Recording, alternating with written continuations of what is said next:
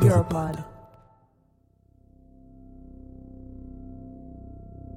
Nazywam się Adam Stasiak, a to są Substancje Kontrolowane, podcast o polityce narkotykowej. Don't do me like that, man. Get in the car. Okay, can I talk to you, please? Yes, you get I in was- this car. We can talk. I am. I'm claustrophobic. I'm hearing you, but you're man. working with me. God, I'm claustrophobic, man. Get in the car. man. Get in the Can you car. put me in the front? Please. No, you're not getting in the I'm front. claustrophobic, so I was Get in the car. Okay, man. Okay. I'm not a bad guy, man. In the car. I'm not a bad guy. Ah, ah, oh. Ah, oh, man. Ah, open my nose. Please, officer. Please. Sit. Please. Take a seat. Ah, ah. You're doing a lot of Mom, I love you. I can't do nothing. Yeah, EMS is on their way. My face is gone. Point then? Ah, I can't breathe, man. Please. Please let me stay in. No. Please, man, I can't breathe. Ah, Get up on the sidewalk, please. One side or the other, please.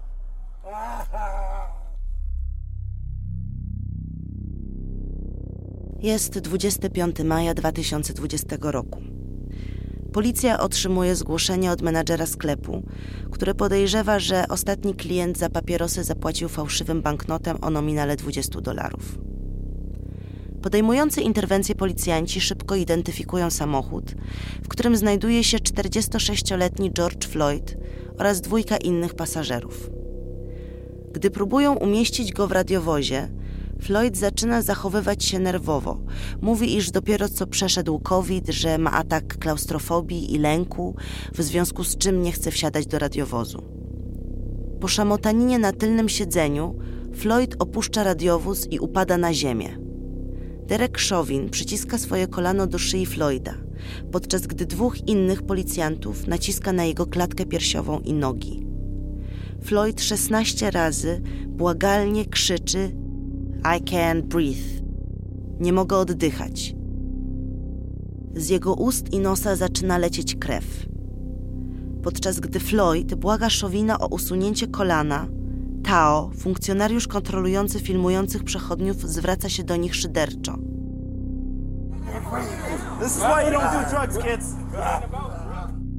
Dzieci, dlatego nie powinnyście brać narkotyków. Chauvin, biały funkcjonariusz policji, zostaje skazany na 22,5 roku więzienia za morderstwo czarnoskórego Floyda. Dusił Floyda przez 9 minut 29 sekund. Protesty w związku z jego śmiercią były największe w historii USA, a ich echo rozniosło się po całym świecie.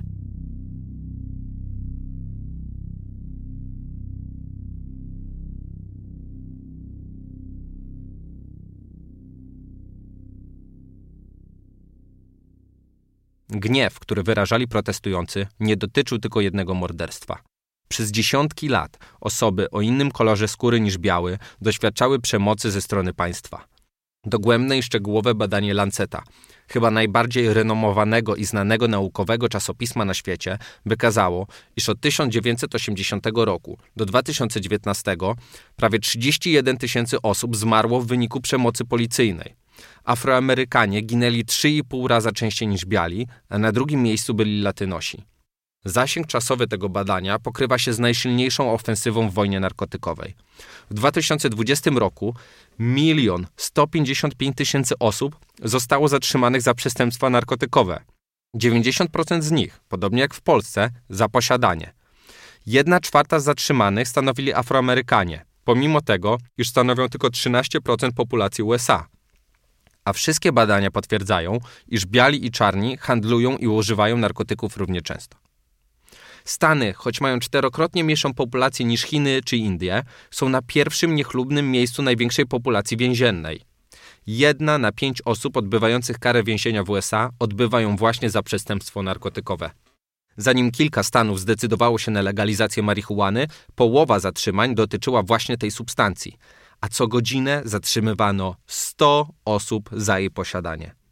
Nie zapominajmy jednak o celu, w jakim uchwala się ustawodawstwo narkotykowe by chronić ludzi przed narkotykami.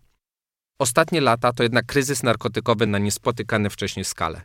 W 2020 roku z powodu przedawkowania zmarło tam ponad 90 tysięcy osób. To mniej więcej tyle samo, co liczba Polaków, która straciła życie przez covid -a. Jak to możliwe, że najsilniejsze imperium na świecie od 40 lat przegrywa walkę na swoim własnym terytorium?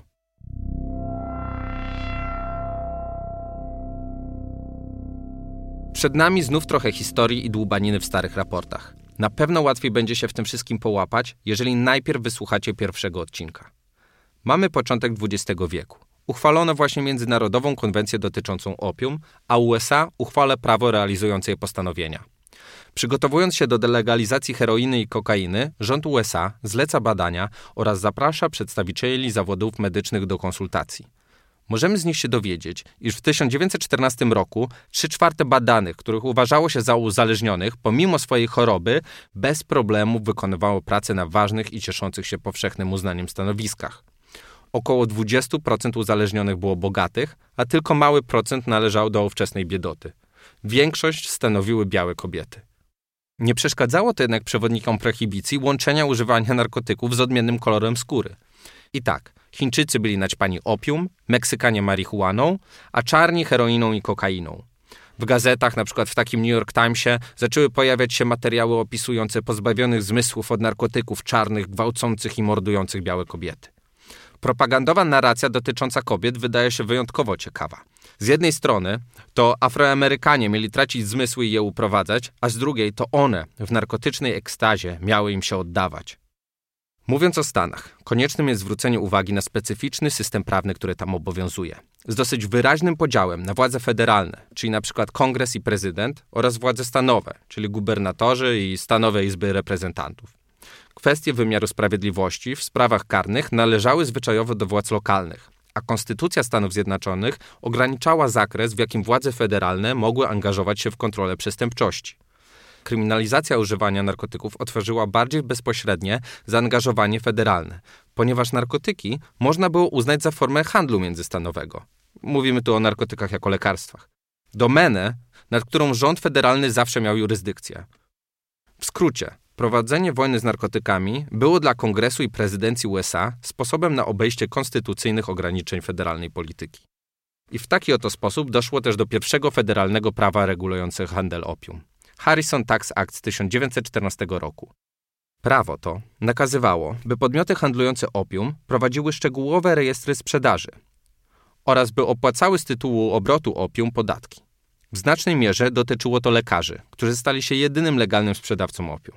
Co ciekawe, w związku z tym, iż uzależnienie nie było uznawane za chorobę, nie mogli oni przypisywać swoim uzależnionym pacjentom tejże substancji – Wielu lekarzy nie zgadzało się z takim stanem rzeczy, ponieważ uważali nagłe odcięcie swoich stałych pacjentów za niehumanitarne. Prawo to było jednak surowo egzekwowane, a 25 tysięcy lekarzy zostało postawionych w stan oskarżenia za nielegalny handel opium. Czas byśmy przeszli do najbardziej kontrowersyjnej części wojny z narkotykami, czyli wojny z marihuaną. Konopie przywędrowały do Stanów na początku XVII wieku. Włókna konopi na przestrzeni lat znalazły szerokie zastosowanie w przemyśle. Produkowano z nich ubrania, żagle, a także wytrzymałe liny, które jeszcze w XX wieku wytwarzano na zamówienie amerykańskiej armii. Na papierze z konopi ojcowie założyciele zapisali pierwsze wersje Konstytucji USA, a Jerzy Waszyngton, pierwszy prezydent, był właścicielem plantacji konopi.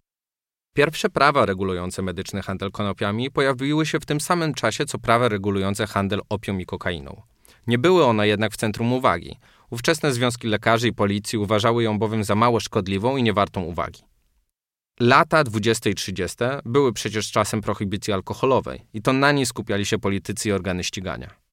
Podejście do konopi zaczęło jednak się zmieniać, gdy Federalne Biuro do Spraw Narkotyków pod wodzą Harego Anslingera objęło marihuanę jako swojego wroga numer jeden. Anslinger, zagorzały przeciwnik narkotyków, uważał, że marihuana prowadzi do szaleństwa i zachowań przemocowych.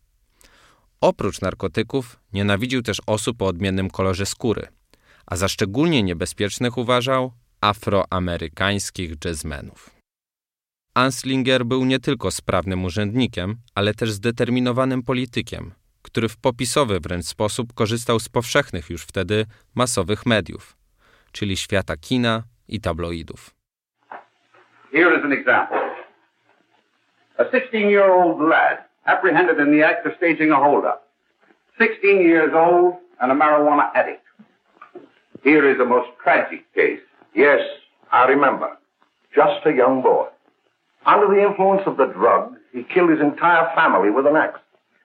W 1936 roku w gazetach w całym kraju pojawiła się historia Wiktora Likaty, dwunastoletniego mieszkańca Florydy, który za pomocą siekiery zabił swoich rodziców, dwóch braci i siostrę. Funkcjonariusze po przybyciu na miejsce znaleźli opętanego chłopaka, który przyznał, iż od jakiegoś czasu uzależnił się od gandzi. Historia ta trafiła także na ekrany kin.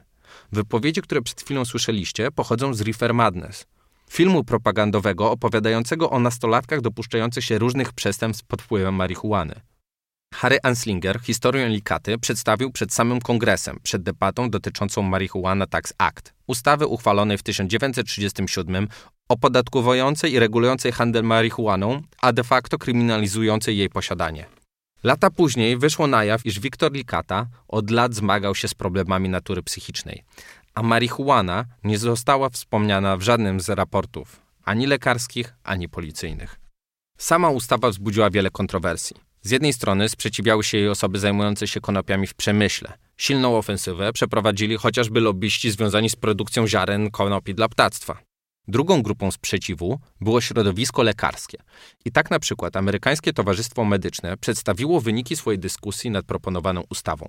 29 z 30 lekarzy opowiedziało się przeciwko regulacji, twierdząc, iż nie są znane im przypadki, w których pacjenci mieliby cierpieć z powodu marihuany albo uzależnienia od niej. W tamtym okresie chodziło o uzależnienie fizyczne. Dziś wiemy, że od marihuany, tak samo jak od każdej innej substancji, można się uzależnić. Ówczesny burmistrz Nowego Jorku, Florello LaGuardia, przeciwnik nowego prawa, zlecił nawet opracowanie raportu dotyczącego skutków używania marihuany Nowojorskiej Akademii Medycznej. Pierwsze, tak dogłębne badanie marihuany wykazało, że Marihuana nie prowadzi do uzależnienia w sensie medycznym. Palenie marihuany nie prowadzi do używania innych substancji. Nie ma związku pomiędzy marihuaną a przestępczością. Panika związana z marihuaną jest bezpodstawna. Rok później ta sama instytucja, już na zlecenie Aslingera, wydała nowy raport. Jak się okazało, marihuana była jednak bardzo szkodliwa, a Afroamerykanie po jej zażyciu dopuszczali się różnych groźnych zachowań. Kolejne lata należą już do Anslingera, który za pomocą strachu i gruźb całkowicie wyrugował marihuanę ze świata naukowego oraz medycznego. W gazetach coraz częściej pojawiały się artykuły dotyczące marihuany i przestępstw z nią związanych. Połowa z nich czerpała swoje informacje bezpośrednio Anslingera i jego biura. 30 lat później Richard Nixon nie będzie już miał wątpliwości, kto jest wrogiem numer jeden. America's public enemy number one in the United States is drug abuse. In order to fight and defeat this enemy, it is necessary to wage a new all out offensive. To wystąpienie określane jest jako początek wojny z narkotykami w USA. Władze federalne otrzymały 150 milionów dolarów na walkę z narkotykami. Utworzono agencję do walki z narkotykami, która dysponowała coraz to większymi uprawnieniami. Te zmiany nie działy się jednak w próżni. 1971 rok. Od sześciu lat Amerykanie prowadzą beznadziejną wojnę w Wietnamie. Według raportu Ministerstwa Obrony 30% żołnierzy przebywających w Wietnamie korzystało z heroiny czy kokainy.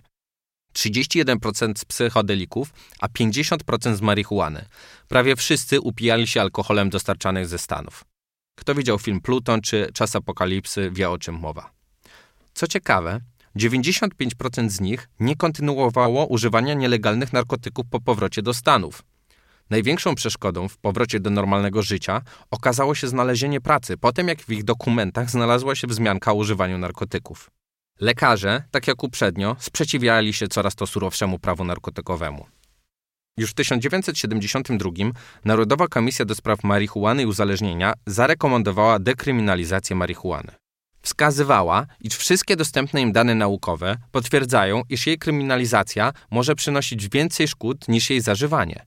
Kilka stanów zdecydowało się nawet na to rozwiązanie i zdekryminalizowało marihuanę. To oczywiście nie przeszkodziło Nixonowi korzystać z regulacji prawnych dotyczących narkotyków zawsze wtedy, gdy to było dla niego wygodne. Pod pretekstem walki z narkotykami zaczęto nękać osoby związane z coraz silniejszym ruchem społecznym Afroamerykanów, a także te związane z ruchami pacyfistycznymi, które skutecznie podważały ciągnącą się wojnę w Wietnamie. Wojna z narkotykami stała się więc instrumentem walki politycznej, za pomocą której pozbywano się uciążliwych wroków systemu. Muszę jednak wspomnieć, że chociaż to Nixona uważa się za twórcę wojny narkotykowej, to wprowadzone przez niego uregulowania w wielu aspektach były bardziej liberalne niż obowiązujące wcześniej prawo.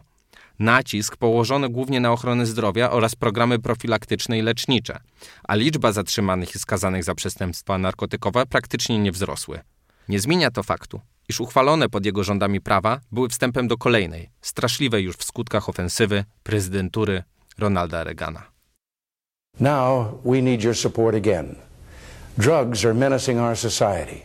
They're threatening our values and undercutting our institutions. They're killing our children. 14 września 1986 rok.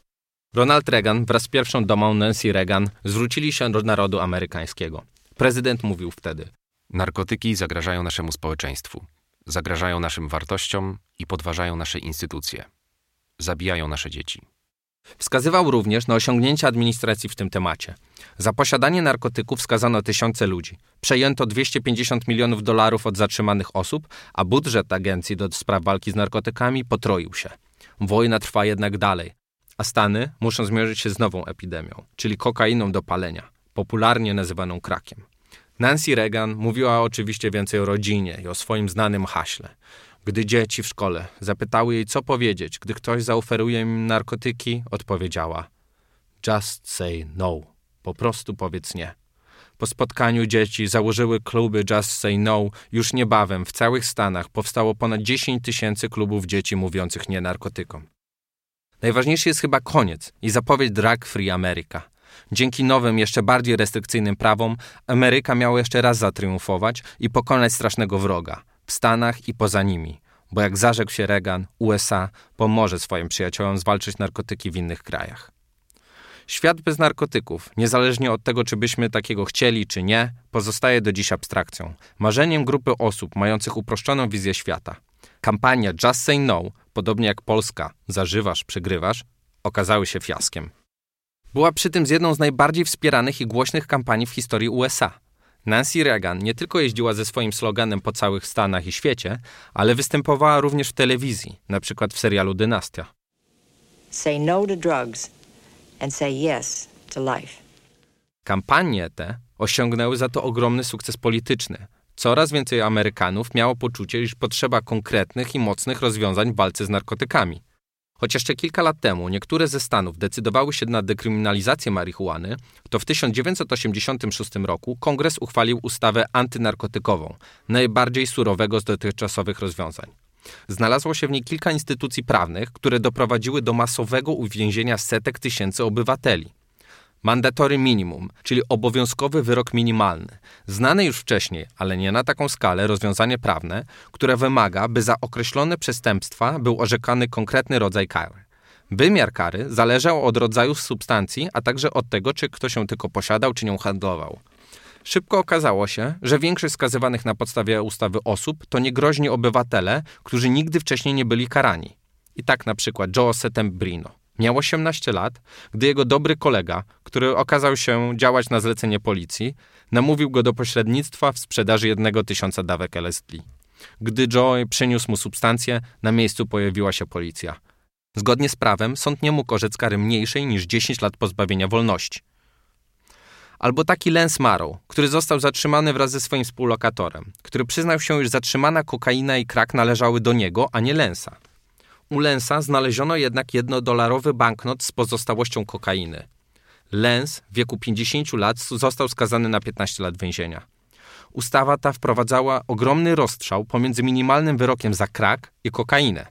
Za posiadanie 5 gramów kraków sąd musiał skazać oskarżonego na przynajmniej 5 lat kary pozbawienia wolności.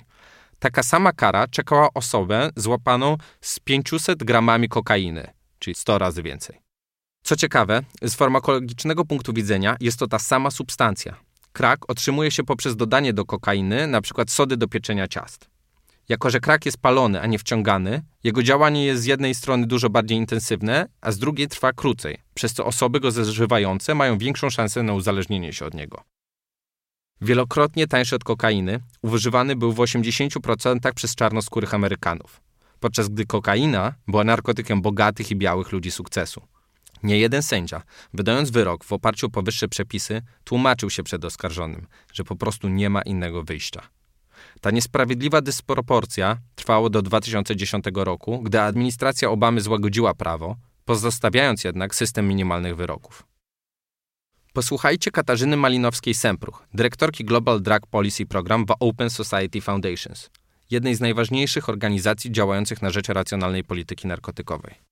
Bo, myślę, że mniej więcej gdzieś tak większość ludzi myśli, że chodzi o to, żeby te substancje psychoaktywne, które są najbardziej, że tak powiem, niebezpieczne, groźne, tak, żeby one były najmniej dostępne. Natomiast jeżeli przyjrzymy się, czy to faktycznie prawda, to okazuje się, że to jest kompletnie nieprawda, tak? Że gdzieś tutaj w ten system klasyfikacji weszła polityka. Weszło właśnie myślenie e, o tym, kto tego używa, z jakich powodów, jak jest postrzegany przez elity polityczne. Wskazuje ona, iż wojna narkotykowa jest dyskryminacyjna na wielu poziomach. Jeżeli popatrzymy na to, jak polityka narkotykowa została wprowadzona w życie w Stanach Zjednoczonych, no to oczywiście więzienia zaczęto zapełniać właśnie osobami z mniejszości rasowych. No i tak to trwa do dzisiaj. Przez lata bycie skazanym za przestępstwo narkotykowe wiązało się na przykład z utratą prawa do głosowania, nawet po odbyciu kary. W połączeniu z nieproporcjonalnym skazywaniem Afroamerykanów doprowadziło to do sytuacji, gdzie w niektórych stanach USA jeden na cztery Afroamerykanów nie ma prawa do głosowania. Naukowcy wskazują, iż takie masowe wykluczenie byłych przestępców z głosowania na Florydzie mogło zmienić wynik wyborów prezydenckich w USA w listopadzie 2000 roku. Więc myślę, że ważne, żeby o tym pamiętać, dlatego że jeżeli popatrzymy na politykę, amerykańską politykę narkotykową, no to widzimy, co się dzieje wewnątrz, wewnątrz kraju, tak? Natomiast dokładnie ten typ myślenia został eksportowany na zewnątrz. Więc w Stanach Zjednoczonych najbliższa oczywiście jest Ameryka Łacińska i tam, i tam presja rządu amerykańskiego zawsze była ogromna. Więc na przykład to, co się działo w Kolumbii, Peru, Boliwii, tak, gdzie, gdzie likwidujemy produkcję liścia koki, dlatego że środek z tego produkowany, kokaina, ląduje potem w Stanach Zjednoczonych, tak, jest używana przez wiele grup.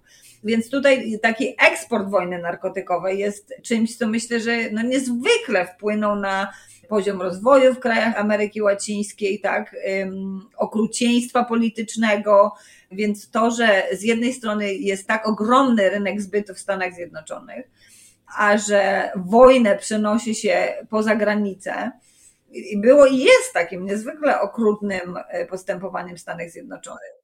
Wskazuje ona również, że wojna z narkotykami inaczej dotyka kobiet niż mężczyzn. Problem największy, jaki istnieje w Stanach Zjednoczonych, to jest kwestia rodzicielstwa i narkotyków. Tak? Jeszcze dzisiaj w Stanach Zjednoczonych tak, są stany, w których można kobietę w ciąży przetestować na obecność substancji psychoaktywnych bez jej zgody. I w rezultacie na przykład kobieta przychodzi rodzić, jest przetestowana na obecność substancji psychoaktywnych i w zasadzie z izby porodowej ląduje w więzieniu i zabierane jest jej dziecko. Tworzy się sytuacja, w której jeżeli jesteś użytkowniczką substancji psychoaktywnych i jesteś w ciąży, to tak naprawdę pójście do lekarza jest dla ciebie ogromnym ryzykiem. W związku z tym idziesz do lekarza tak naprawdę najpóźniej jak możesz. Więc to są przykłady tego, jak tworzyć prawo, aby ludzie, którzy potrzebują pomocy, z tej pomocy nie skorzystali.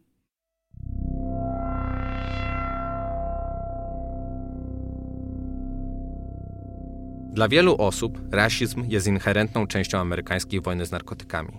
Nie łączą jednak tych dwóch zjawisk, gdy mówią o Europie. Oczywiście, różnimy się od USA. W końcu mają najwięcej więźniów na ziemi, a Europa uważana jest za międzynarodowego lidera praw człowieka. Powód, dlaczego tak mało o tym słyszymy, jest jednak bardziej zaskakujący. Chodzi o statystykę i ochronę danych. Prawo Unii Europejskiej od lat obejmuje zakaz przetwarzania danych osobowych ujawniających wrażliwe kategorie, takie jak poglądy polityczne, przekonania religijne, orientację seksualną czy też pochodzenie rasowe lub etniczne. Oczywiście jest to pokłosie II wojny światowej i kolonialnej przeszłości zachodnich mocarstw. A celem takich uregulowań jest ochrona obywateli. Choć prawo Unii Europejskiej przewiduje wiele wyjątków od zakazu, to niektóre kraje, jak na przykład Francja czy Niemcy, bardzo rzadko zbierają dane co do pochodzenia rasowego i etnicznego. Coś, co miało chronić przed rasizmem, okazało się jednak utrudniać z nim walkę. Brak rządowych danych nie pozwala na dogłębną analizę poszczególnych zjawisk, na przykład przestępstw na tle rasistowskim, czy chociażby dyskryminacyjnego efektu wojny z narkotykami. Na szczęście takie badania przeprowadzone są przez organizacje pozarządowe i ośrodki akademickie, a ich wyniki ukazują smutną skalę problemu. I tak na przykład czarnoskórzy mieszkańcy Anglii mają 18 razy większą szansę na bycie zatrzymanym i przeszukanym w związku z posiadaniem narkotyków, choć używają ich dwa razy rzadziej niż biali. W Paryżu najgorzej mają mieszkańcy pochodzenia arabskiego, których przeszukuje się prawie 15 razy częściej niż białych. Co ciekawe, wiele zależy od ubioru. Najczęściej przeszukuje się Arabów i czarnych w ubraniach utożsamianych z kulturą hip-hopową. Jak wskazują badacze, poza bezpośrednimi konsekwencjami w postaci nieproporcjonalnego zatrzymywania i karania osób o innym kolorze skóry niż biały, policyjne rasowe profilowanie ma też inne konsekwencje. Osoby, często zatrzymywane przez policję, cechuje wysoka nieufność, a nawet nienawiść wobec policji, ale też innych struktur państwowych. Często też nie czują się częścią wspólnoty obywatelskiej, a sposobów rozwiązywania konfliktów szukają na własną rękę.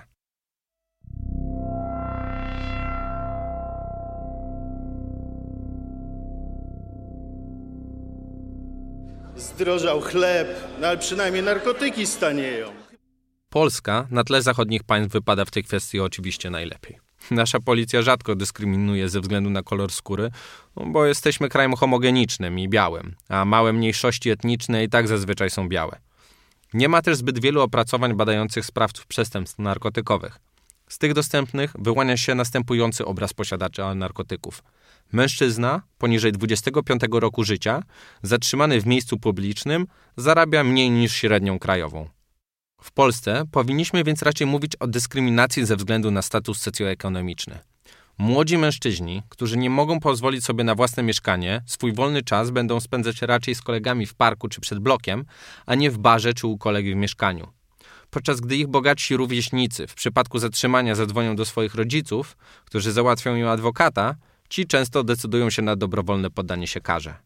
Nierzadko jest to kilka miesięcy prac społecznych, a nawet rok pozbawienia wolności w zawieszeniu na 2-3 lata, choćby za kilka gram.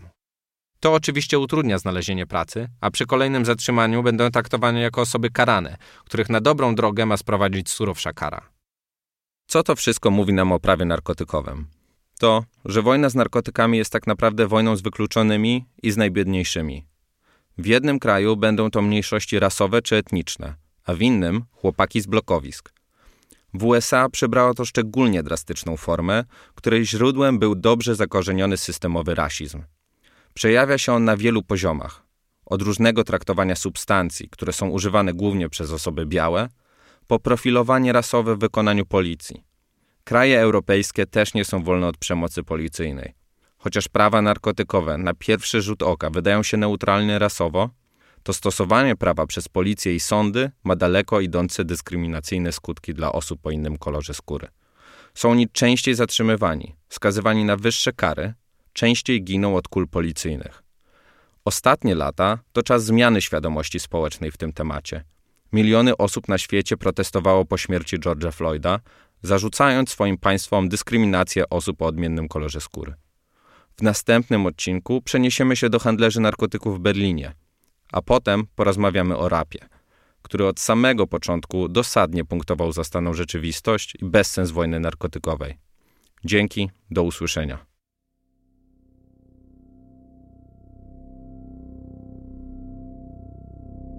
Substancje kontrolowane. Podcast dla projektu Sfera. Dostępny na platformie podcastowej Europod i wszystkich platformach streamingowych.